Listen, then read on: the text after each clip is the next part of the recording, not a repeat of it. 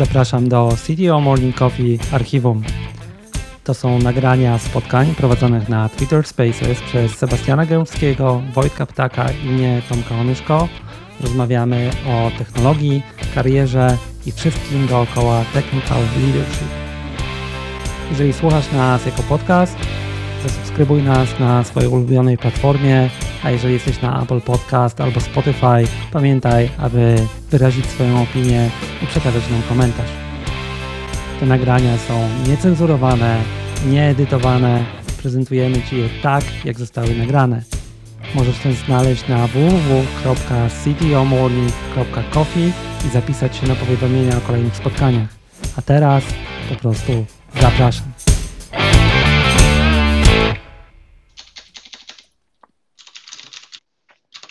Dzień dobry, dzień dobry, dzień dobry. Czy się słyszymy?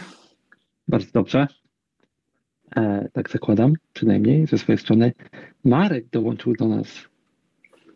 Słuchajcie, z Twitterem znów się udało, bo tak e, patrząc na te ostatnie błędy, to można powiedzieć, że aplikacja Schrödingera, w której rzeczy w połowie działają, a w połowie nie. Tak błędy jak dobrze. błędy, rachunki za API. A tak, to świeże ogłoszenie. No, dokładnie. Dzisiaj widziałem. Cześć. Dzisiaj widziałem Cześć, cześć Marku, cześć Marku. Czy mnie, słychać? Czy mnie dobrze słychać? Tylko zapytałem szybko. E, tak, bardzo dobrze. Super, jest dobrze. Dzisiaj widziałem wycenę e, a, użycia API Twittera, jaką dostała jedna aplikacja e, według nowego cennika. 684 tysiące rocznie, coś takiego w dolarach. E, całkiem nowy biznes model. I słusznie, trzeba zarabiać. A, oczywiście, ja myślę, że tak, rynek się tam jakoś ogarnie. Dobrze, Dzisiaj słuchajcie. dostaniemy algorytm także, podobno, o, pół, o w południe. A to ten oficjalny, tak, czy ten, co wyciekł? Y, ten, co wyciekł, to już podobno gdzieś tam mamy, nawet po sieci krąży, ale ten oficjalny ma być, także y, co z tego, że wyciekło, skoro mają wysłać? Aczkolwiek tu kwestia jest taka, że chyba, chyba to wyciekło trochę więcej. Nie mamy Wojtka, a już mamy Wojtka. Dobrze. A, wrzucam Wojtka do nas. Słuchajcie, w międzyczasie dużo osób dołącza, bardzo fajnie. To ja może przypomnę jakieś nasze podstawowe ground rules. Więc tak, no. e, witajcie wszyscy nam na City of Morning Coffee. To są nasze cykliczne spotkania, raz na dwa tygodnie spotykamy się, żeby porozmawiać o tematach istotnych dla tak zwanych senior technical leaders i oczywiście osób aspirujących. E, dzisiaj już 31 odcinek leci bardzo szybko. Dzisiaj porozmawiamy sobie o software house'ach. Rozmawialiśmy już swego czasu o firmach produktowych, rozmawialiśmy o konsultingu. Dziś porozmawiamy o software house'ach. Mamy dzisiaj gościa specjalnego. Czasem robimy odcinki z właśnie z gośćmi. No bo jak rozmawiać o software house'ach, to może właśnie na przykład z kimś, kto takie software house'y dwa założył. E, jeden z tego, co pamiętam, prowadził jako VP of Engineering. E, też miał dużą cegiełkę, którą włożył ogólnie do rozmawiania o tym, czym jest engineering culture, zdrowy engineering culture w Polsce. Ja osobiście pamiętam bardzo fajną prezentację, to już było chyba z 10 lat temu, na Agile by Example. Tak chodziłem na tego typu konferencje i tam właśnie Marek po raz pierwszy chyba po polsku opowiadał o tym, jak się taki engineering culture buduje, więc w związku z tym witamy właśnie Marka Kirejczyka, który dzisiaj z nami, zgodził się nam trochę poopowiadać, podzielić się z nami swoimi doświadczeniami.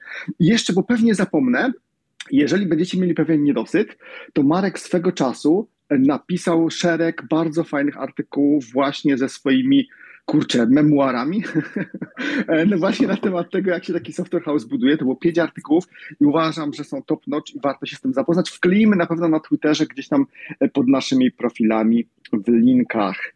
E, witamy Cię, Marku.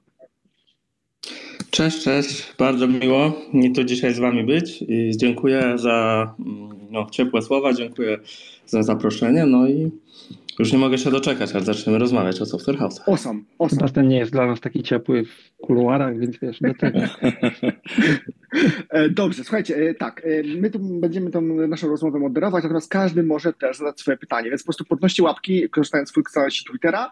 My możemy nie zauważyć od razu, więc nie zrażajcie się i co ważne, mm, nie możecie tego robić w aplikacji webowej, tylko i wyłącznie mobilnej, więc o tym proszę pamiętajcie. I to chyba tak naprawdę wszystko. To co, może jakieś pytanie na rozgrzewkę? Wojtek, co masz fajnego? Słuchajcie, pierwsze i najważniejsze chyba pytanie. Ja mam doświadczenie e, ty, głównie i tylko i wyłącznie w firmach e, produktowych, więc mnie strasznie interesuje od razu na dzień dobry Czym się różni według Was prowadzenie firmy typu Software House od firmy produktowej z punktu widzenia firmy Software House? Więc osoby, które, Marku, szczególnie Ciebie i ewentualnie ktoś, kto ma jeszcze doświadczenie, zapraszam do dyskusji i opowiedzcie o tym. No tak, to jest takie w sumie dość częste porównanie, które miałem okazję, mm, z którym miałem okazję się spotkać. Y, I faktycznie, jak gdyby z jednej strony jest bardzo podobnie, a z drugiej strony jest bardzo inaczej. Y, wydaje mi się nawet może, że prowadzenie trochę software house'u może jest prostsze niż y, firmy produktowej, bo jak gdyby jest troszeczkę mniej aspektów, którymi no, trzeba się zająć. Na przykład cała ta część taka produktowa, często, często przerzucamy ją na klienta. Chociaż też ta granica jak gdyby jest dosyć płynna, bo często okazuje się, że e, software house jakoś tam próbując zdefiniować tą swoją usługę i być konkurencyjne, poszerzają to swoją usługę także aspekty produktowe. No i to jest taka śmieszna dychotomia może, czy, czy, czy trudno jak gdyby, tr trudno znaleźć tą jasną granicę, bo powstaje takie pytanie, no dobrze, ale skoro ten software house jest taki dobry w robieniu produktów, to czemu miałby pracować dla klienta jak gdyby, a nie samemu budować successful produkty. Dlatego, dlatego mi się wydaje osobiście, że jeżeli e, chce się zbudować takiej wysokiej jakości software house, to jednak fokus powinien być na technologię i tą wartość, którą się dowodzi, dowozi, to jest po prostu, ma się wyspecy- wysoko wyspecjalizowany team, który jest absolutnie fantastyczny w dowożeniu, w tworzeniu technologii. I, mm, no i po prostu wtedy, kiedy jest, e, kiedy mamy tych naszych klientów, czy to jest rynek enterprise'owy, czy takie bardziej startupowy, B2B, scale-upowy, no to kiedy te firmy potrzebują szybko coś zrobić, brakuje im sił przerobowych, to, to, to idą do software house'u. I też to jest, e, jak gdyby ten model się zmienił, tak? Bo to może brzmieć, o, to my dostajemy te jak gdyby najgorsze projekty w tych software house'ach, bo to jakieś takie odpady, na które nie ma czasu, no ale po prostu ten świat jest bardziej dynamiczny niż kiedykolwiek. Startupy zbierają tam rundy A, B, C. Mm, no i potrzebują się zeskalować, tak? Mają nagle bardzo dużo pieniędzy, potrzebują bardzo szybko je wydać, mm, zbudować, powiększyć, urosnąć. I, y, no i tak naprawdę takie, takie y, partnershipy, bo często to są wieloletnie projekty, no to często potrafią być bardzo atrakcyjne projekty, które, które rozwijają się latami, no ale jak gdyby gdzieś ten software house mityguje to ryzyko, że no nie dojedzie ten, e, ten, ten startup do następnej rundy i wtedy ten software house musi się martwić o to, żeby znaleźć następnego klienta, a nie jak gdyby ten startup musi się martwić o to, że musi zwolnić dużą część teamu. Mam od razu pytanie do tego, co powiedziałeś, e, Marku, bo powiedziałeś, że yy, yy, tak jakby przesuwacie całą część produktową na klienta. Co masz przez to na, na, myśli? Czyli co, co według Ciebie dobrze, żeby było klienta, e, e, jeżeli chodzi o ten produkt, a co właśnie byś zostawił dla e, software house'u? No, to jest fantastyczne pytanie, bo teraz jak gdyby myślę, że warto jeszcze dodefiniować jedną rzecz. Ja się specjalizuję w rynku takim powiedzmy startupowym, B2B, takie small business, mid business, jakiś nawet taki może być teraz scale-upy, tak? czyli, czyli, czyli firmy po rundzie A, po rundzie B, po rundzie C. I, yy, yy, no i oni często mają jak gdyby już swój team produktowy, tak? Mają jakichś product ownerów, mają jakieś koncepcje, mają designerów, może niewystarczająco, może chcą wziąć od nas designera, ale jak gdyby mają już jakiś tam skillset i umiejętność pracy z produktem, tak? To jest jeden rynek. Drugi rynek to jest enterprise, y, y, o którym teraz jak gdyby nie będę mówił, na którym jest y, też dużo bardzo successful software house'ów i, i, i tam oni często właśnie próbują wziąć więcej tego produktu. Natomiast w tym moim doświadczeniu na tym rynku takim mniejszym, gdzie często pracuje się bezpośrednio z founderami w ogóle albo z kimś, kto, kto jest gdzieś wysoko, ma jakąś wysoką pozycję w tej firmie, to oni często jak gdyby wiedzą, co chcą zrobić, tak? Może wiedzą dobrze, może to będzie sukcesem, co zbudują, może nie, ale jak gdyby przychodzą, mają swoją wizję, wiedzą mniej więcej, co jest MVP, wiedzą mniej więcej, gdzie chcą to rozwijać i tak dalej. Więc jak gdyby ta część taka product ownership stricte y, często, często po prostu odpada i, i, i, ten klient tego nie chce, tak? Ja wiem, co chcę zbudować, ja przyjdę, mam dla was, nie wiem, 2-3 godziny w tygodniu, wytłumaczę wam, tak? I, i, i jak gdyby budujcie, nie? Natomiast Natomiast tu jest jak gdyby moim zdaniem gwiazdka i to jest coś, co myślę, że bardzo wiele software house'ów y, przegapia. Y, my powinniśmy mieć produkt, my powinniśmy mieć proces software house gotowy do pracy z produktem, tak? Czyli my powinniśmy mieć szybkie iteracje, continuous delivery, umiejętność robienia AB testów, umiejętność szybkiego dowożenia na produkcję, umiejętność sprawdzenia czegoś, tak? Mm, zmierzenia Y, na produkcji, czy coś działa, czy nie działa i tak dalej, tak? I to jest część jak gdyby skillsetu i know-how software house'ów, który często można dać w prezencie, tak? Jest częścią tego serwisu, tej usługi, która daje się startupom, które teoretycznie powinny mieć to dużo lepiej niż my zrobione, no ale w praktyce często nie mają, no bo biegną do następnej rundy, tu trzeba coś dowieść, ktoś pracuje po nocy, tak? Nie ma jak gdyby tej kultury inżynieryjnej, nie ma czasu zbudować tej kultury inżynieryjnej, biegnąc od rundy do rundy, tak? Mm, I to jest jak gdyby ogromna część, moim zdaniem, tej wartości, którą Software House może dowodzić, a dzisiaj często jeszcze nie dowodzi. Więc to jest. Dobrze. To e, trochę pociągnę ten temat, nie? No? E, ale bo jeżeli przekazujecie, wy wchodzicie z technologią jako Software House, tak będę mówił nie to, że tam chcę was odpychać, nie? E, a produkt jest po stronie klienta, to gdzie jest odpowiedzialność wtedy za dowiezienie tego? Znaczy, na ile wy jako software house bierzecie odpowiedzialność e, za to, że ten projekt się wydarzy albo się nie wydarzy, czy produkt? Y, no, y, tutaj y, tak jak troszeczkę w firmie produktowej, tak samo jakbyś miał jak gdyby w firmie produktowej, tak jest jak gdyby mm, ktoś w produkcie, jest tym inżynieryjny, tak, i jest jakiś podział, tak, i powstaje pytanie, kto odpowiada za sukces tego, tak? No i, mhm. no i się przyjęło, i to jest jak gdyby niekończący się zawsze problem, że e, no, no, jedni dowożą, a drudzy nie dowożą, tak? Że inżynieria dowozi, jest, działa na produkcji, tak? No ale to nie jest coś, co klienci chcą, tam nie było wystarczająco, nie wiem, rozmów z klientami, danych zebranych z produkcji i tak dalej, tak? No, a z drugiej strony może być super product owner oczywiście, który doskonale wie co zrobić, doskonale jak gdyby zna swoich klientów, wie czego oni potrzebują, no ale team nie dowodzi technicznie, tak? No więc ta, ta, tu, tutaj jak gdyby oczywiście dochodzi pewna komplikacja, jeśli no, te dwie części są w dwóch różnych firmach, no ale z drugiej strony dla klienta to też jest super, bo jak nie dowozi, no to po prostu się zmienia firmę, tak? I nie ma jak gdyby jak gdyby cały czas jesteśmy na tym rynku, cały czas musimy konkurować, cały czas musimy y, temu klientowi dowozić wartość, bo jak nie dowozimy, no to on przychodzi i mówi, jestem niezadowolony, tak? Gdzie, mm-hmm. i, i, może poprosić o zmianę, gdzie no to, takie coś gdzieś w firmie pełnej powiązań i, i jakichś tam ograniczeń rekrutacyjnych i tak dalej jest po prostu trudne. Dobrze. Wiesz co, ja trochę pytam, e, bo my tam nie rozmawialiśmy, ja mam background w usługach też, tak? E, prowadziłem firmę usługową, dalej prowadzę jakoś. I mam jedno pytanie do ciebie, a na ile zdarzyło wam się, albo czy miałeś takie sytuacje i czy w to wszedłeś, albo nie wszedłeś, albo ich nie było, że klient powiedział, chce powiązać wasz sukces ze swoim, czyli nie jesteś tylko dostawcą technologii, nie? Tylko mówi, słuchajcie, jak nam wyjdzie, to nagroda jest większa, ale potrzebujemy, żebyście w tej chwili zainwestowali jako, bo my chcemy tutaj, wiesz, long partnership, we bring you so much money, but in the future. No tak. to, takie to, sytuacje? To są sytuacje, które się zdarzają. E, szczególnie w świecie blockchainowym, w którym myśmy siedzieli, gdzie no po prostu to jest dużo łatwiejsze, bo można się podzielić tym tokenem, nie ma tego całego, mm, nie ma takiego całego mm, poziomu skomplikowania w związku tam z vestingami, umowami, opcjami, tak, i, i papierkologią, która jeszcze jest dodatkowo bardziej skomplikowana, jak ten klient jest na przykład z Doliny Krzemowej, a ty jesteś tutaj w Polsce, więc jeszcze dwie jurysdykcje prawne wchodzą. E, no więc ja ogólnie, ja ogólnie troszeczkę yy, zdarzały się takie deale, tak? mhm. tak?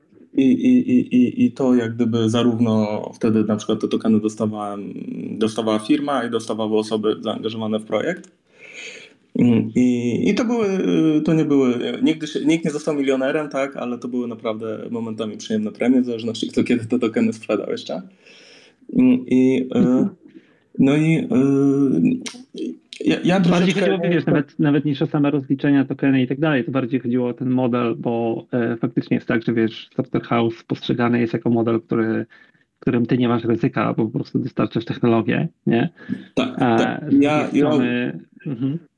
ja uważam, że to jest dobre, tak? Jest jak gdyby wiele takiego na, na rynku można usłyszeć, no, że nie powinieneś pracować z software house'em, bo e, oni mogą cię, czy tam jest kwestia vendor lockingu, czy jest kwestia E, właśnie tego, że oni nie są zmotywowani Y, ale właśnie czasami jest tak, myślę, w firmach produktowych, że po prostu potrzebujesz mieć dowiezione. Nie?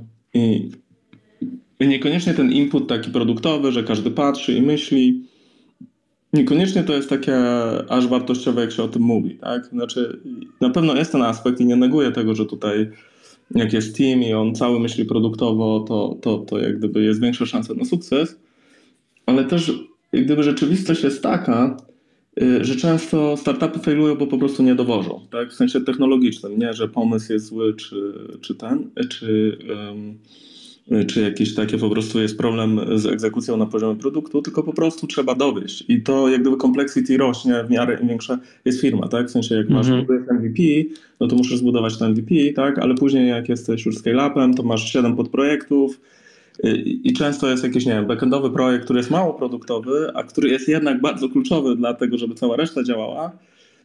I wtedy to jest bardzo naturalny fit właśnie między firmą produktową a, a, a software house'em.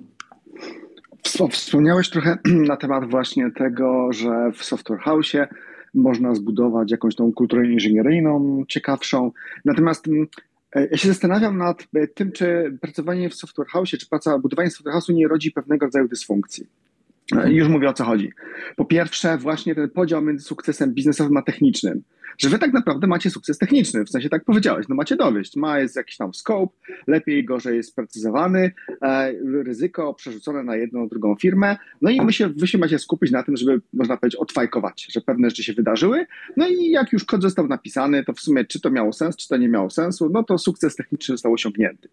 To, ta, to jest jedna taka, nie wiem, patologia czy dysfunkcja, która tutaj przychodzi mi do głowy, a, a, a druga jest e, jakby związana właśnie z tym, że no, robiąc tego typu projekty, projekty i, koncentrując się na tej takiej stronie technicznej, tak naprawdę e, nie ma tego takiego typowego feedbacku, że ok, zrobiliśmy fajny produkt, zarobiliśmy na siebie, w związku z tym mamy pewnego rodzaju długo żyjącą ciągłość, mamy ten space for self-improvement. Nie, mamy reset. I już kolejny projekt. Znowu zaczynamy od zera i nawet niekoniecznie uczymy się na podstawie tego, co zrobiliśmy, bo to już się skończyło. Tamten projekt trwał trzy miesiące, wyrzuciliśmy to do klienta, a my już jesteśmy zupełnie gdzie indziej i budujemy coś znowu od zera. Więc, więc e, puentując to moje pytanie, czy tak naprawdę e, to nie jest tak, że praca w software house wręcz utrudnia budowanie takiego healthy engineering culture w organizacji? Mhm. E, no tutaj widzę dwa jak gdyby różne aspekty. Jeden, może od niego zacznę, tylko oba jak gdyby wymienię na początek. Jeden, że uważam, że Software House jest absolutnie miejscem, gdzie engineering culture można zbudować lepszy niż w startupie. Yy, I zaraz powiem dlaczego. Ale drugie jest taki, że jak gdyby ja dużo tego widzę na tym rynku, yy, w ogóle jak świat funkcjonuje, ale w szczególności w naszej tutaj branży programistycznej, że są takie dychotomie, tak? że w lewo albo w prawo, tak? że albo produkt, albo usługa. Tak? A tak naprawdę te granice są płynne i mm, takie stawianie rzeczy, że o, bo my tutaj odcinamy ten sukces czy coś takiego, no mogę pracować w firmie produktowej i jak gdyby nie mieć udziału w sukcesie, tak? tylko mieć jakąś tam pensję tak? i zmienić tą pracę po dwóch latach. Tak? To jak gdyby jest taki jakiś success story gdzieś po prostu w naszej głowie, przynajmniej w mojej głowie, to, to jest to, co ja słyszę, jak ty zadajesz te pytania o dysfunkcję, to jest jak gdyby, no bo jak jesteś tym deweloperem Silicon Valley, prawda, i tam, nie wiem, dołączasz do stage startupu i dostajesz, nie wiem, tam ćwierć czy pół procenta po prostu w tej firmie i ta firma kiedyś zostaje unicornem i się okazuje, że to twoje pół procenta jest warte po prostu 10 milionów dolarów i ty stajesz się milionerem i tak dalej, tak? No tak, ale to jest bardzo rzadka historia, tak? To, to się zdarza bardzo, bardzo rzadko, tak? I, a, a, realia są takie, że no, nawet jak ktoś zostaje milionerem, to z reguły tam, prawda, no milion czy dwa miliony dolarów zarobi, tak? Więc to jest jak gdyby, to, to, to, to jest jak gdyby taki to, to jest tak jak jest, wiecie, że ludzie grają na loterii, tak? Bo oni co tydzień oglądają losowanie lotka i tam ktoś wygrywa miliony, tak? Ale jakby oni oglądali później po każdym wygranej trzy miesiące tych wszystkich ludzi, którzy kupili i przegrali, no to nikt by nie grał w lotka, tak? Po prostu jest rozkład prawdopodobieństwa rzeczywisty, a jak gdyby w naszych głowach jest, jest niekoniecznie, niekoniecznie są to same. No i... Ja mam po, poczucie, Marek, że cię strasznie zbombardowaliśmy pytaniami, także e, Chciałem tylko wszystkim przypomnieć, że zapraszamy też do dołączenia do nas i zadania Markowi pytań. Bardzo przepraszam, bo chyba ci wszedłem w słowo, myślałem, że skończyłeś. Tak, nie, nie, to, to jak gdyby kończę, kończąc ten pierwszy temat, znaczy ten drugi temat właściwie, tak? Więc to są, to są jak gdyby w ogóle bardzo fajne i uczciwe pytania. Natomiast i w ogóle fajnie, że je zadajecie, bo to są właśnie takie różne mity, mam wrażenie, które funkcjonują na rynku, a niekoniecznie gdzieś tam pod spodem jest głębsze rozumienie tych trade-offów, jak one dokładnie wyglądają w szczegółach. I też jest y, aspekt budowania inżynier firmy inżynieryjnej. Myślę, że są dwa, dwa takie aspekty, na które warto spojrzeć. Nie? Jeden to jest y, taki ja z punktu widzenia pracownika, co ja jak gdyby dostaję, jak pracuję dla software house'u czy produktu, a drugi to jest mm, jak gdyby all over, co, co taka firma może osiągnąć i jaki ma wkład w ekosystem. No i, i ja jestem wielkim fanem zatrudniania młodych, utalentowanych ludzi y, do software house'ów i w ogóle, y, dlatego że mm, jak się włoży młodych, utalentowanych, zmotywowanych ludzi w fajne środowisko, to oni się bardzo szybko rozwijają.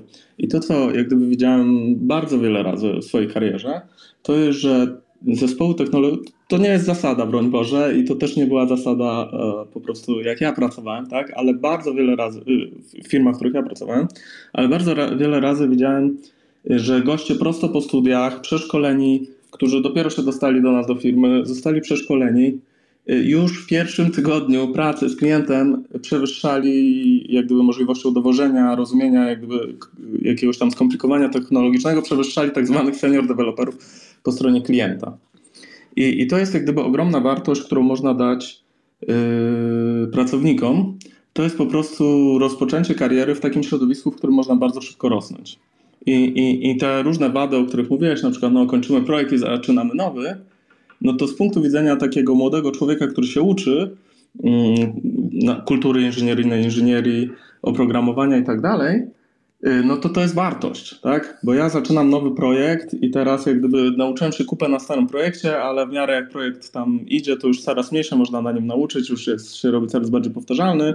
Zaczynam nowy projekt, tam zaczynałem jako junior, tu już zaczynam jako mid, już mam większą odpowiedzialność, już konfiguruję trochę środowisko, tam nie wkurzają y, jakieś, nie wiem, konfiguracje CI, tu, tu, tu zrobimy to lepiej, tam już ten framework do testów się zestarzał, to tu użyjemy już nowszego, tak? Więc to jest jak gdyby to jest jak gdyby bardzo fajny moment, gdzie można jak gdyby odzyskać y, wysokie tam pouczenia się. No dobra. To, co powiedziałeś, to prawda. Y, co prawda, niektórzy używają, wiesz, e, tego do stworzenia takiej patologii pod tytułem e, to przyjdź do nas nam za jeden PLN, ale dużo się nauczysz, nie? E, mhm. No ale to jest kompletnie inny temat. Słuchajcie, zadawajcie pytania, bo macie okazję przypytać człowieka, który stworzył dwa, dwie firmy i chyba nawet je sprzedał. Marek, to pytanie o to stworzenie. To jak się tworzy taki software house, czyli jak Od zacząć, czego zacząć? Tak? Od czego zacząć, czym się wyróżnić? Wiesz, software house'ów na rynku jest, e, nie powiem ze 40, bo ich jest więcej, nie? Ale okej, okay, to, to zrobiłeś to dwa razy. Jak zacząć, jak się wyróżnić, jak, jak zacząć szukać klientów, od czego zacząć w zasadzie? Kogo nie? zaprosić, bo... chyba tak możemy no Tomek jeszcze dodać, kogo zaprosić na sam początek do, do, do tej przygody i jak zdobyć pierwszego klienta i zaufanie.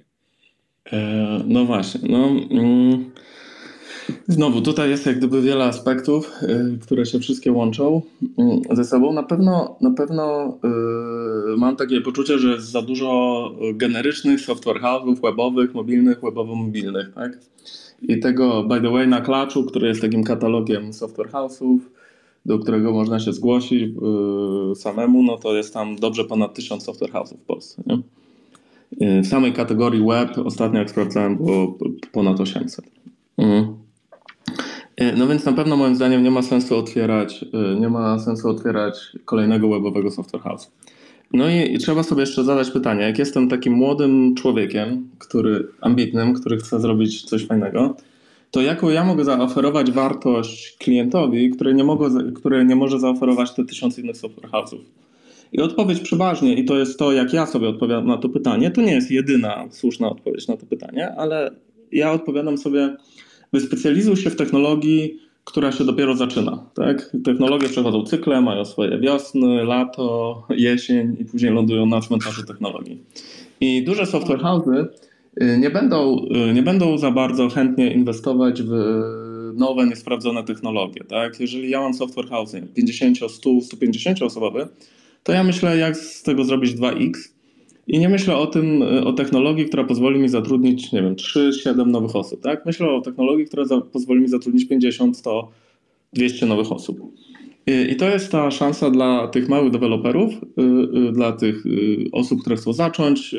Najlepszy sposób, żeby zacząć software house, to jakiś, zacząć od jakiegoś małego freelansu, żeby wejść w te technologie, które dopiero się zaczynają, które może są zbyt ryzykowne, może rynek jest jeszcze zbyt mały, jeszcze nie wiadomo jak, jak gdyby podłączyć się pod ten rynek i zacząć klepać jakieś tutaj drobne projekty. To może być od projektu po godzinach, tak, tak troszeczkę at Worksy zacząłem, że zrobiłem projekt po godzinach w jakiejś nowej, dziwnej technologii, o której ktoś losowo, po prostu wylosowałem, słuchajcie, los na loterii i, i, i ktoś powiedział, że ma taki projekt do zrobienia w jakimś dziwnym Ethereum. Nie? No i zacząłem to klikać i jak zobaczyłem o co chodzi, wyekstraktowałem lipkę y, i, i, i pojechałem na konferencję i w zasadzie na tą jedną lipkę już udało mi się zdobyć pierwszego klienta. Mhm. I, I, to jest, i, w tej historii jest jak gdyby bardzo dużo takich ważnych elementów, tak? Żeby publikować, tak? Żeby produkować coś, co jest publiczne, czy to jest open source, czy to są blog posty na ten temat, tak? Żeby budować już ten marketing od tych pierwszych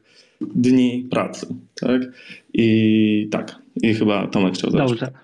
Tak, wiesz to, ja chciałem zadać pytanie, bo, mówię, trochę mam też swoje doświadczenie, obserwację rynku, a twoja osobista historia i, bo wiesz, są historie, jak powstały firmy, nie? Mhm. My też mamy historię, jak powstała firma e, na stronie, można ją przeczytać. Nawet jest prawdziwa. Mm, ale jest dużo takich, które e, są stworzone, nie? A potem jak podrążysz, to, to one wyglądają inaczej. Więc to jest pytanie, obudziłeś się rano i miałeś, trochę odpowiedziałeś na nie, obudziłeś się rano, miałeś nad głową piłeczkę jak z pomysłowego Dobromira i założę software house, czy po prostu zrobiłeś to, że zobaczyłeś, że działa i mówisz, o kurde, może da się zarobić pieniądze, pojadę dalej. No wiesz, e, mm, no, jak gdyby ja, to był taki okres, że szukałem czegoś nowego dla siebie.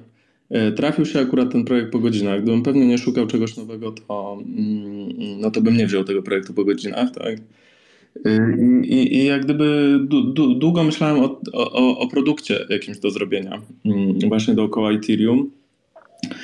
No ale tam było dużo komplikacji, tak? Były tokeny, były te sprzedaże ICO, tam była nie, niejasna taka sytuacja prawna y, dookoła tych ICO i nie było, nie było jasne, mm, czy to jest legalne, czy się później nie siedzi w więzieniu, jak się zrobi takie ICO, tak? Y, no, no, no, no jak gdyby dostęp do VC nie był taki, jak jest dzisiaj.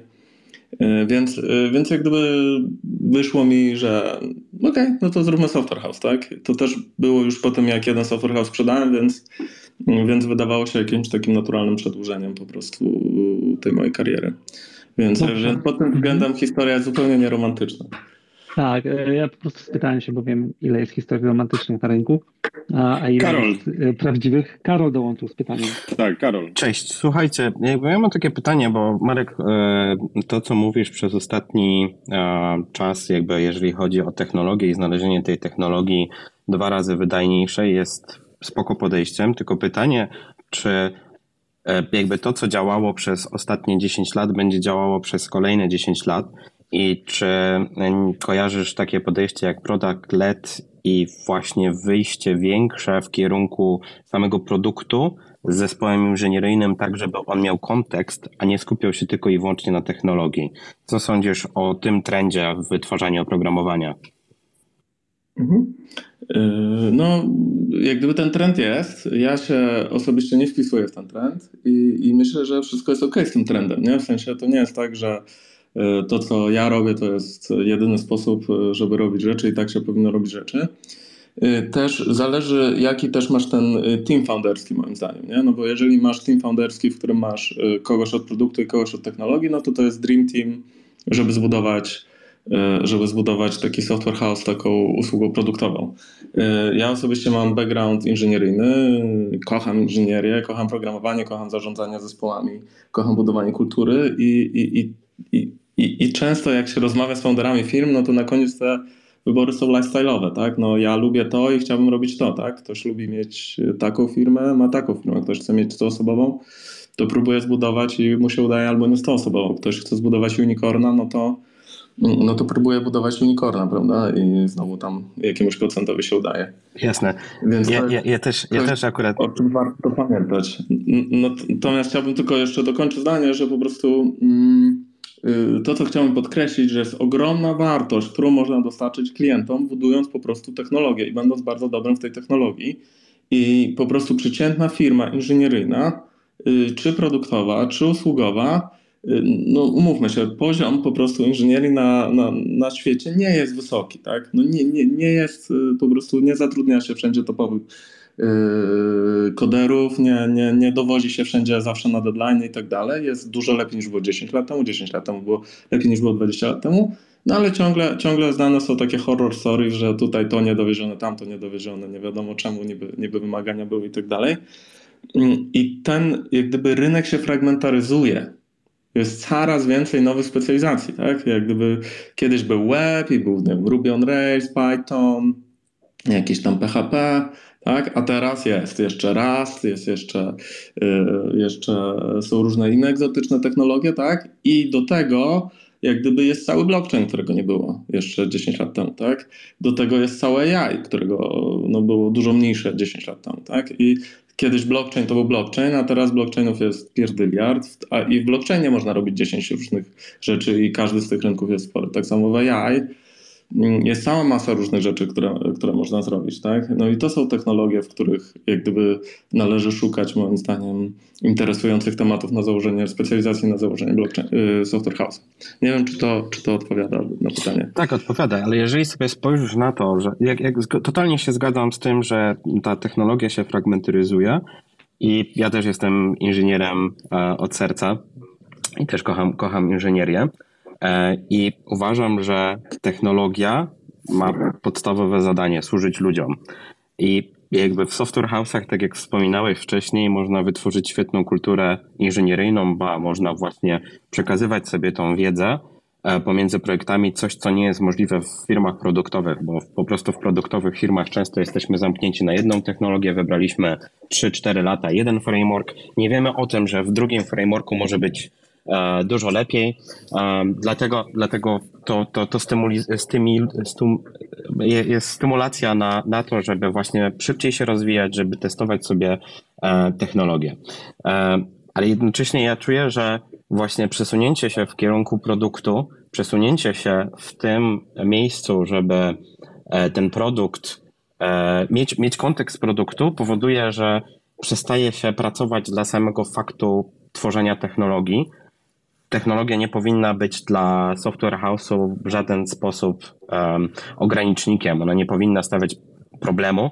E, my powinniśmy je być jak najlepsi w technologii, ale jednocześnie jakby powinniśmy służyć biznesowi, a do tego, żeby służyć biznesowi, trzeba mieć ten kontekst biznesu, więc nie można takiej twardej linii stawiać pomiędzy inżynierią, technologią, a, a, a samym, samym produktem, który wytwarzamy, I, i jakby spojrzeć sobie od trochę, trochę innej strony, um, czyli, czyli trochę, trochę dziwnej sytuacji, która się dzieje na, na rynku um, software'u ogólnie albo startupów.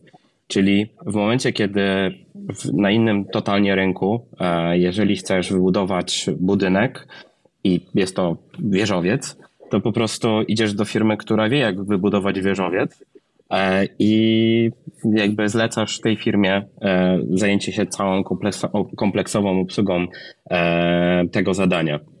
A na świecie... To tak nie wygląda tak swoją drogą. mówimy, mówimy o modelu, mówimy o modelu. Ale wiesz, wiesz to, ale tutaj akurat wejdę dokładnie, dlatego że wiesz, ten, dokładnie ten model, który powiedziałeś, wygląda tak, że e, firmę, e, wynajmujesz firmę, która buduje wieżowiec i to, co ona robi, to wynajmuje odpowiednich software house'ów do zrobienia każdej rzeczy. Mhm. E, to nie jest, to, ten biznes tak nie działa, to dokładnie działa no, tak jak w software'ze. Dodam, dodam jeszcze, że ta osoba, która ten budynek buduje, to też jest wyspecjalizowana firma, która tak, zajmuje się budowaniem budynków tak jak gdyby od strony finansowej, tak? Słuchajcie, ja mam jeszcze, ja mam jeszcze jedno pytanie, bo e, mhm. zaczęliśmy, chciałem dokończyć wątek, bo to e, bardzo ważne z mojej perspektywy pytanie, myślę, wielu osób, które do nas dołączyły. Jeżeli mi chodzi, Marku, po głowie e, założenie Software House'u, to e, jaki ten skład founderski powinien być? Na kogo e, postawić, e, wiesz, jakie osoby zaprosić do, do tej przygody? i na co musimy zwrócić uwagę? Tak, no świetne pytanie. Ja jeszcze chciałbym tylko powiedzieć, że ja rezerwuję jeszcze tutaj trzy minuty, żeby dokończyć temat tego wątku kultury inżynieryjnej, bo mam wrażenie, że go nie spięliśmy z powrotem gdzieś tam na, z drugiej strony. Natomiast odpowiadając na to bieżące pytanie, yy, no, no ja powiem szczerze, że to może być jakieś moje ograniczenie mentalne, ale widzę, że jak gdyby największym takim bottleneckiem w budowie software house'u jest po prostu technologia. Znowu, jeżeli to jest software house, który oferuje produkt, no to produkt i technologia, tak, może być design. Y, więc ja bym y, najchętniej funduję, czy najchętniej bym tworzył nowe software house'y w oparciu o team stricte techniczny, czy szerzej mówiąc ekspercki, tak? I troszeczkę, troszeczkę jest tak, że jak na przykład chcę zrobić dobry marketing dla software house'u, znowu w tym modelu, o którym ja myślę, to, y, no to najlepiej to robisz czy publikując open source, czy blog post, czy, jeżdżąc, czy jak gdyby publikując blog posty, czy jeżdżąc na konferencje, występując, czy mieszając wiele różnych tego typu y, technik. Y, I, no i tego nie zrobi osoba, mm, prawda, no, która nie ma backgroundu technicznego, nie zrobi tego dobrze. Jeżeli budujesz sprzedaż w software i jesteś wysoko wyspecjalizowanym, elitarnym software house'em, to przychodzą do ciebie klienci techniczni, którzy mają pytania techniczne, o które chcą zadać na kolu yy, sprzedażowym, tak? Więc znowu potrzebujesz tej osoby technicznej, tak? I, mm, i, I, jak rekrutujesz, no to masz interwiu techniczne, tak? Więc jak gdyby tak naprawdę każdy aspekt y, działania takiego wyspecjalizowanego, elitarnego software house'u jest mocno techniczny. Y, w związku z czy szerzej mówiąc mocno eksperckie, jeżeli mówimy o produktowym mm -hmm. czy, czy, czy jakimś designerskim.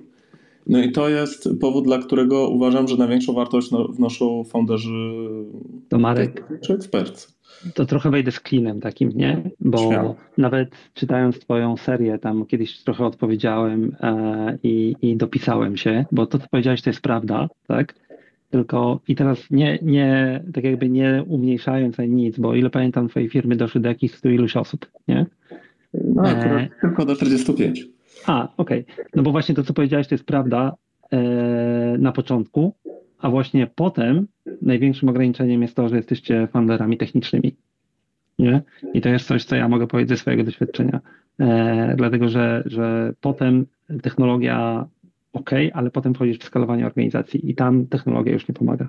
No ja znowu, znowu uważam, że jest to fałszywa dychotomia, która funkcjonuje. Jest jak gdyby, jest taki, taki mit, który, y, znaczy mit, to, to nie jest tak, że tam nie ma jak gdyby żadnej prawdy, to absolutnie, absolutnie jest tak, że osoby techniczne często mają awersję, nie chcą mm, czy nie znają się na, na nie, budowie organizacji, czy masie różnych innych rzeczy, które trzeba zrobić, żeby tą firmę przeskalować do 150 osób lub więcej, czy, czy nawet do 100. Y, natomiast jest coś takiego I, i miałem tą rozmowę, jak napisałem serię blog postów, to miałem fajne rozmowy z bardzo różnymi software house'ami, niektóre super successful, mm, niektóre całkiem successful y, i i, I nawet miałem taką fajną rozmowę, że y, o software house, który chciał właśnie urósł do tych kilkudziesięciu osób i chciał atakować setkę. I tam jest w ogóle, ja to nazywam Valley of Death, nie? czyli tam, jeżeli chcesz od tych 30, 40, 50 dojść do 100 plus, to jak gdyby musisz przejść przez taką fazę profesjonalizacji firmy, tak? Czyli przedtem miałeś jednego salesa, jednego jakiegoś tam rekrutera, jak gdyby ta struktura była niezwykle prosta, a teraz nagle potrzebujesz stworzyć działy, departamenty, one wszystkie muszą się ze sobą dogadać, to jak gdyby jest zupełnie inna bajka prowadzenia takiej firmy, nie? I, yy, I wiele firm jak gdyby yy, próbuje profesjonalizować w cudzysłowie marketing na przykład, nie? I przedtem zdobywali projekty właśnie budując projekty open source'owe, właśnie właśnie jak gdyby tam występując na konferencjach, a teraz robią profesjonalny inbound, zaczynają się pojawiać nowe słowa, CRM i tak dalej. I zaczyna być dużo jak gdyby wokół tego. I okazuje się, że ten marketing przestaje działać.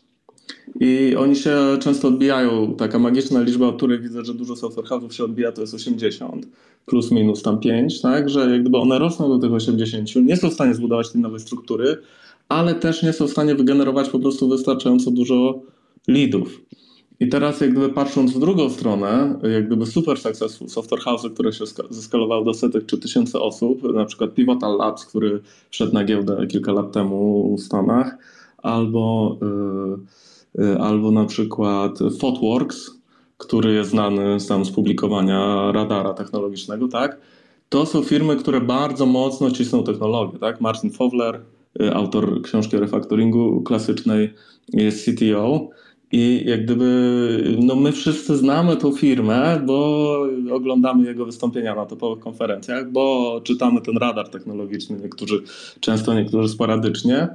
I, yy, jak gdyby udało im się zeskalować tą firmę używając tych pryncypiów technologicznych, tak? Jak gdyby to jest to wartość, którą dowodzimy, tak? I wychodzi jak gdyby Martin Kowler na konferencji i mówi, słuchajcie, to serwisy można robić na trzy sposoby. Sprawdziliśmy, bo mamy tysiąc, teamu, tysiąc, tysiące osób, 50 teamów, 30 robi mikroserwisy, tak to się robi, tak? Takie widzimy paterny, tak? Wychodzi Martin Fowler i mówi y, event sourcing. Jak ludzie mówią event sourcing, to zauważyliśmy, że to znaczy jedną z czterech rzeczy, tak? I to jest ten jak gdyby topowy marketing, tak? Marek, Czy to oznacza, tutaj... że tam nie trzeba foundera takiego, który to zorganizuje i tak dalej? Oczywiście, że trzeba, tak? Tylko pytanie, gdzie wyważyć te role.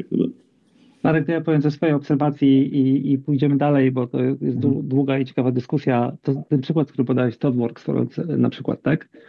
A to jest właśnie marketing. To znaczy oni sprofesjonalizowali marketing i dlatego, że go sprofesjonalizowali, zrobili z niego po prostu funkcję w organizacji, to mają Martina Fowlera. To nie jest tak, że ta firma pracuje na technologii. Oni chcą, żebyś myślał, że pracują na technologii, chcą się taki, mieć taki image, tak?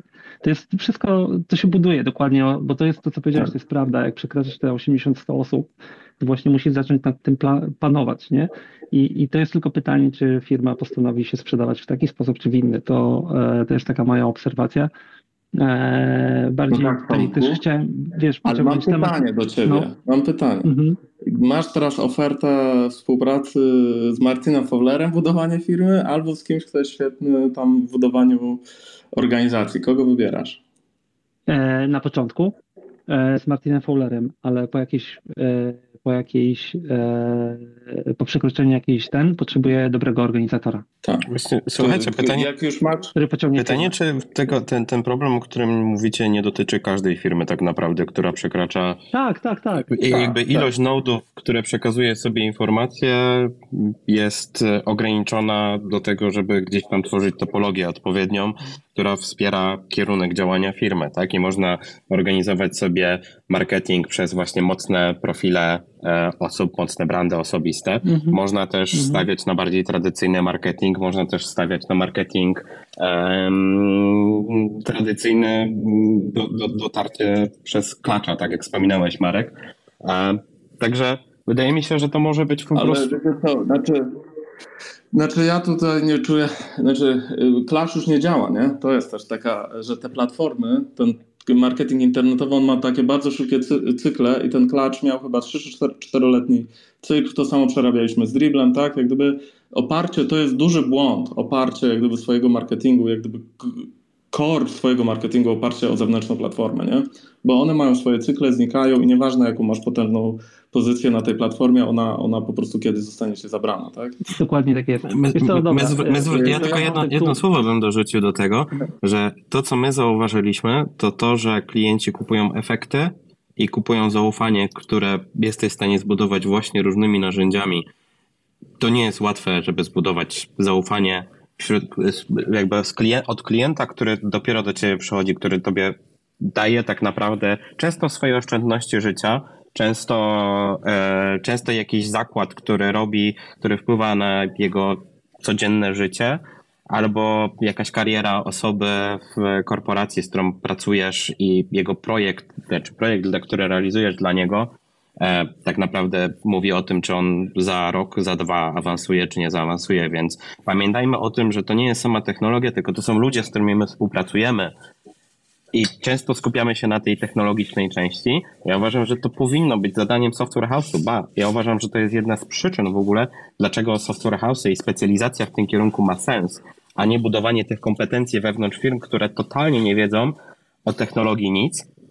Natomiast ta technologia ma służyć ludziom, ta technologia ma służyć i pomagać biznesom po prostu robić dobre rzeczy za pomocą tego, jaka jest ich misja. Mhm. Tak, cześć, Dobrze. Damian. To ja tylko utnę tutaj ten wątek. Yy, jedno, to o co mi chodziło w tym pytaniu, to trochę było, kiedy founder techniczny musi z tego wyjść, albo czy musi, ale to już jest istotny temat. Tak, Wiem, że tak. Sebastian czeka gdzieś w tle z yy, innym wątkiem, więc może przeskoczmy.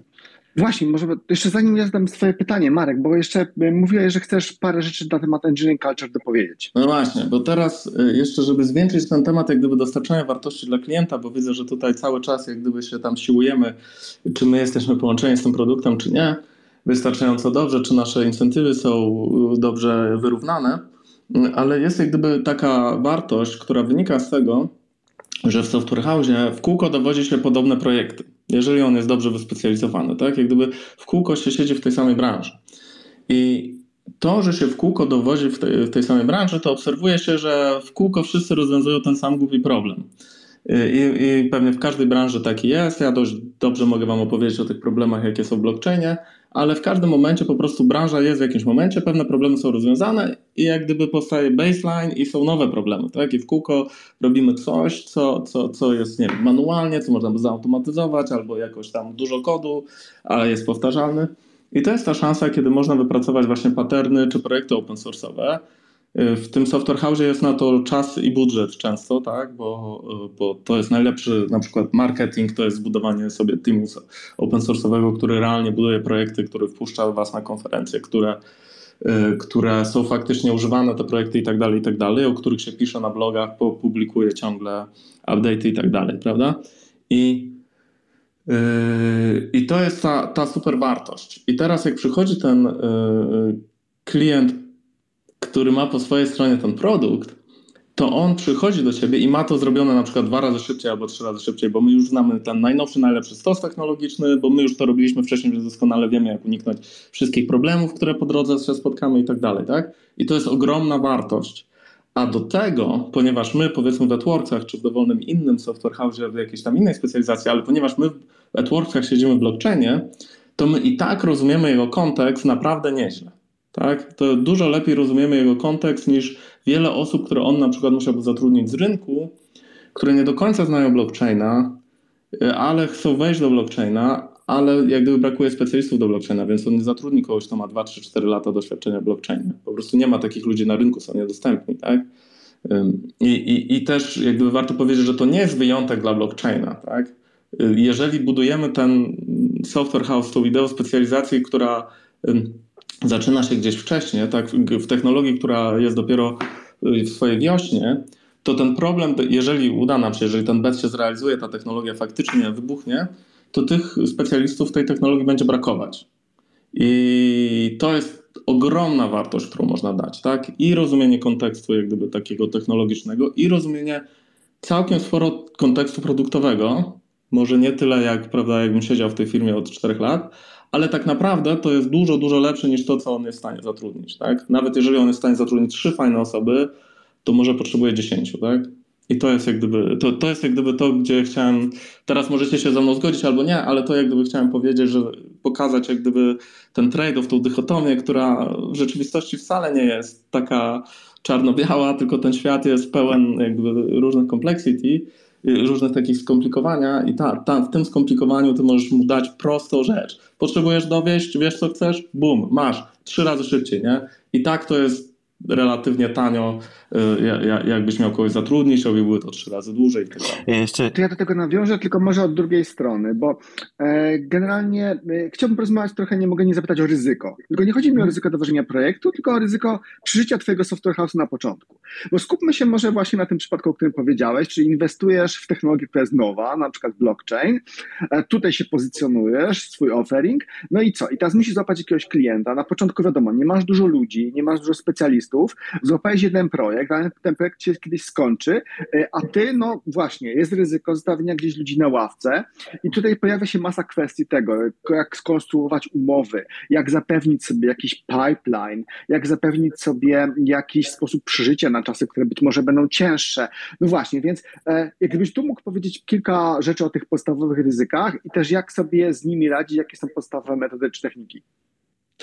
E, no tak, ja mam, e, tu, tu, tu, widzę jak gdyby dwa czy trzy aspekty. Jeden y, główny aspekt, który widzę, to ja to czuję takie, ja, ja aż nawet jak myślałem o tym, że będziemy dzisiaj rozmawiać i to pytanie się pojawiło, w zapowiedziach jak gdyby marketing is the king, nie? To jest jak gdyby to co, to, co my Polacy jeszcze ciągle robimy słabo, chociaż dużo lepiej niż 10 czy 20 lat temu.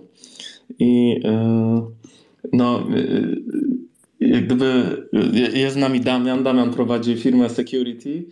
Damian ma bardzo fajne usługi, prowadzi Security yy, tutaj w blockchainie, nie? I jak gdyby yy, myślę, że teraz robi też bardzo fajny marketing, ale obserwowałem jak Damian zaczynał i po prostu widziałem te firmy w San Francisco, które robiły bardzo kiepskie usługi security, ale były tak wypompowane, były tak znane, y, bo dużo czasu, jak gdyby duży procent, duży, duża część wysiłku founderów szła jak gdyby w marketing. Nie? I to jest coś, co, co, jak gdyby, co jak gdyby ciągle, e, ciągle jeszcze czuję, że jest za mało tego w Polsce i mam takie poczucie, że sam za mało w ten marketing inwestowałem. Myślę, że jestem dużo dużo do przodu względem rynku, nie? że naprawdę robiliśmy ten marketing fajnie i cały czas były jakieś eventy, to były duże, fajne, globalne, cały czas jeździliśmy po topowych konferencjach, cały czas coś publikowaliśmy jakieś, mamy dwa projekty open source'owe, jeden używa prawie 100 tysięcy projektów dzisiaj, tak? I ciągle mam poczucie, kurde, nie? A przecież można było zrobić to, można było zrobić tamto, to robiłem sam, a przecież mogłem do tego kogoś zatrudnić, nie? I, i, I taki mam też jak gdyby refleksję z tego prowadzenia, okresu prowadzenia Tworksów, że największy błąd jaki zrobiłem, to nigdy nie stworzyłem dedykowanego teamu open source'owego, nie? I, i, I to by był jak gdyby, to by był absolutnie marketingowo, byśmy, byśmy wyprzedzili cały globalny rynek wtedy, nie? Bo i tak byliśmy naprawdę w fajnym miejscu. I i myślę, że to jest to, o czym, o czym warto pamiętać. I ten marketing, jak gdyby trzeba od pierwszego dnia firmy, a nawet od minus pierwszego dnia firmy kultywować, tak? Czyli zbudować habit, pisania blog postów. Mamy jakiś problem, rozwiązaliśmy problem, widzimy, że inni mają z tym problemy. Boom, blog post, tak? Boom, wchodzimy na Stack Overflow, odpowiadamy na pytania. Yy, widzimy, że powtarza się w dwóch projektach coś. Boom, ekstraktujemy lipkę, zgłaszamy się na konferencję, żeby opowiedzieć o tej lipce, tak? Czasem nas przyjmą, czasem nas nie przyjmą. Jak gdyby cały czas chodzimy po meetupach, zanim, zanim dostaniemy się na konferencję, żebyśmy byli na YouTubie, że jak aplikujemy na konferencję, żeby już były jakieś fajne wideo z nami, żeby oni widzieli, że, że fajne prezentacje prowadzimy, tak? I jak gdyby to jest coś, co trzeba cały czas robić od tego, kiedy jestem jednoosobowym freelancerem, po jak gdyby te parotysięczne firmy, gdzie, gdzie tam są już dedykowane teamy, -hmm. jakiś tam developer evangelist, czy, y, czy, czy open source'owe teamy. I to jest jak gdyby moja numer jeden rada dla osoby, która otwiera software house. Znaczy to, ja się, tak, ja się zgodzę 100%, bo e, to ja przyciągnąłem e, marketing do nas do firmy, e, co oczywiście część techniczna firmy powiedziała, że to zaraza i w ogóle, nie? Ale jest osobny temat, możemy kiedyś porozmawiać. Ale Marek, trochę follow-up do tego pytania Sebastiana prowadziły, akurat tylko mogę się obawiać, znaczy obawiam się, że mogłeś nie mieć tego problemu przez ostatnich kilka lat w twojej branży, nie? Ale wiesz, prowadzisz, prowadzisz, robisz marketing i nagle za przeproszeniem jak padło no i masz ludzi na ławce, tak? E, jak tym się zarządza, e, jakie, jak, jak, jako właściciel software house, jak kalkulujesz wtedy ryzyko, e, jak, jak do tego podchodziłeś, jeżeli miałeś ten problem? Bo mówię, w twojej branży mogłeś nie mieć przez ostatnie kilka lat z różnych powodów. No ja to akurat ten problem chyba miałem tylko raz faktycznie. No właśnie, tak myślałem. Duży projekt wysypał, akurat był środek poprzedniej zimy blockchainowej, a myśmy jeszcze nie mieli rozkręconego marketingu. I wiesz, co są takie różne modele. Ja teraz rozmawiam to z różnymi wiesz, właścicielami software house'u, bo teraz ogólnie mamy kryzys, jest zima w blockchainie, jest kryzys w ogóle w branży IT w ogóle i, i ogólnie na świecie, tak. I dużo osób ma ten problem i wiesz, no, budują poduszki, są różne tam, wiesz, jak gdyby um, mają modele, kiedy trzeba zwalniać, kiedy tam... Może to, to może uproszczę pytanie. E, bo ja mam swoją opinię i taki mam Śmiało, slogan to... i czasami mówię, że nie waham się jej użyć, ale zaczynasz w tej chwili software house, tak? Od nowa, budujesz. Mhm. Budujesz go zakładając, że będziesz miał ławkę ludzi, czy nie? Nie, właśnie nie. Y, mo, moja, moja jak gdyby i bardzo długo moim zdaniem możesz o tym nie myśleć. W sensie no, gdzieś przychodzi taki moment, że musisz mieć jakąś tam, nie wiem, 200-osobową firmę, przychodzą jakieś projekty, musisz mieć, wiesz, no jednym osobą nie zaczniesz 20-osobowego projektu, tak? Czyli jeżeli mówimy o jakiejś tam, nie wiem, skali NetGuru, to oczywiście sytuacja jest inna. Że to jestem wielkim fanem małych firm, dlatego że możesz strasznie dużo rzeczy przyhakować, które po prostu już musisz. Nie, nie możesz tego zrobić w dużym software tak? Ale moja rada jest jedna: marketing first, tak? Myśmy mieli tak dużo leadów y, w AdWorksach, że jestem pewien, że dzisiaj nawet jakbyśmy mieli ławkę, to coś byśmy złowili, tak? W sensie jak gdyby mhm. Y, po prostu... Mówię, to jest specyfika branży też trochę. Tak, tylko chodzi o to, że jak gdyby to, co ja widzę często, to jak ludzie widzą, że są lidy, które zostają na stole, bo nie są w stanie ich wziąć, to jest sygnał, że trzeba rosnąć, tak? A, przecież mogliśmy wziąć, trzeba więcej tych lidów, tak? Nie, zawsze tych lidów powinno być jak gdyby dużo więcej niż ty jesteś w stanie wziąć i ty zawsze powinieneś wybierać tylko topowe lidy. Taka jest moja filozofia prowadzenia, tak? Software House'u i to jest to, co mówię. My mieliśmy dużo więcej lidów niż byliśmy w stanie wziąć w zimie, ale ja nadal uważam, że moim największym błędem było nie rozchulanie tego marketingu jeszcze dalej, tak? Było nas na to stać, mieliśmy na to capacity, tak? I mogliśmy mieć jeszcze, je, jeszcze jak gdyby więcej tego, jeszcze większy zapas w zimie, tak? I to jest to, że po prostu jak przychodzą ciężkie czasy, to zaczyna brać projekty, których bych nie wziął, tak? W dobrych czasach bierzesz tylko topowych klientów, topowe brandy, bierzesz tylko projekty, które są rozwojowe dla ciebie i dla teamu, dla twojej specjalizacji są rozwojowe, pozwalają ci się przemieszczać, wiesz, razem z rynkiem gdzieś tam w nowe, fajne przestrzenie, a jak przychodzi kryzys, to po prostu zaczynasz brać to, co jest na stole. I, Aha, to ja, wiesz co, ja tylko taką anegdotę z życia mojej firmy. E, e, pewnego e, mieliśmy nazwaliśmy to literalnie rok świni, czyli mieliśmy to, co mówisz, wybieraliśmy co, jak i tak dalej, a potem mieliśmy rok pelikana, czyli łykamy wszystko, co się da. E, także lecimy dalej. Słuchajcie, ja mam takie pytanie, bo e, znaczy, e, zostało nam 5 minut, więc e, jest na pewno pytanie, które bardzo, bardzo chcieliśmy wszyscy zadać. E, to jest e, specyfika naszego polskiego rynku, z, wasze, z waszego przede wszystkim Marek, z twojego doświadczenia. Czyli e, jak prowadzić i rozwijać software house w Polsce versus e, mm, Europę versus świat. Czym się wyróżniamy, a czego nam na pewno brakuje w Twojej obserwacji? No tutaj, wiesz co, jak gdyby powtórzę po raz trzeci, już ostatni, także wy, wybaczcie, że brzmi, powtar- że brzmi powtarzalnie. Uważam, że absolutnie e, marketing to jest coś, co robimy coraz lepiej, ale cały czas nie rozumiemy, że to jeszcze można robić rząd wielkości lepiej. To jest czymś, no tak jak mówię, nawet czymś, co osobiście się jak gdyby mierzę. E, natomiast e, widzę też taki trend, że profesjonalizują się polskie firmy. Nie? Kiedyś to był naprawdę taki trochę dziki zachód i, y, i, i te firmy były takie właśnie otwierane przez kilku informatyków i nigdy jak gdyby nie, nie, nie odrabiały tej lekcji domowej, że teraz trzeba się nauczyć budować organizację, czy, czy, czy teraz to już ta gra jest trochę inna, jak mamy, jak chcemy zaatakować 100 czy 150 osób. Więc to jest fajne. Polska ma, ma swoje specy, specyficzne, e, specyficzne plusy i minusy. W Polsce ciągle pokutuje takie myślenie, e, zresztą znowu to jest związane z marketingiem, ciągle pokutuje takie myślenie, że w Polsce można zrobić coś taniej. I dlatego klienci przyjdą do Polski. I to jest coraz mniej, coraz mniej jak gdyby na temat. Nie? W sensie w Polsce jest ciągle taniej niż w Niemczech, Wielkiej Brytanii czy w Dolinie Krzemowej, ale te różnice są coraz mniejsze i y, te firmy coraz częściej się globalizują i zatrudniają bezpośrednio pracowników y, y, w Polsce. Marek, e, pociągnę Cię, tutaj mamy e, kilka minut, to pociągnę Cię wprost do takie jednej pytanie. Powiedziałeś, że mamy no. tysiąc software house'ów w Polsce. Mhm. E, wszyscy wiemy, że e, jest dokładnie to, co powiedziałeś, to znaczy my już nie jesteśmy tanim krajem, nie? E, tak. Co prawda w tej chwili pensje się zatrzymały, koszty trochę tam stoją w miejscu albo nawet spadają uwzględniając inflację, ale nie jesteśmy tanim krajem. Pytanie, co według Ciebie się stanie z tymi tysiącem software house'ów? Y, no, mi się wydaje, że rynek y, przejdzie przemianę. Mi, mi się, ja bym taką historię opowiedział software house'u z Finlandii. Finlandia jest jednym z najdroższych krajów na świecie.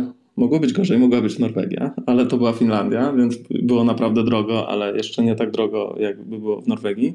I oni mieli, to w zasadzie nie był software house, to było bardziej design studio, oni mieli 20 parę osób, i oni robili prototypy designów yy, takie odważne dla różnych firm. I oni, yy, ich klientami był tam, nie Microsoft, jakieś duże firmy międzynarodowe.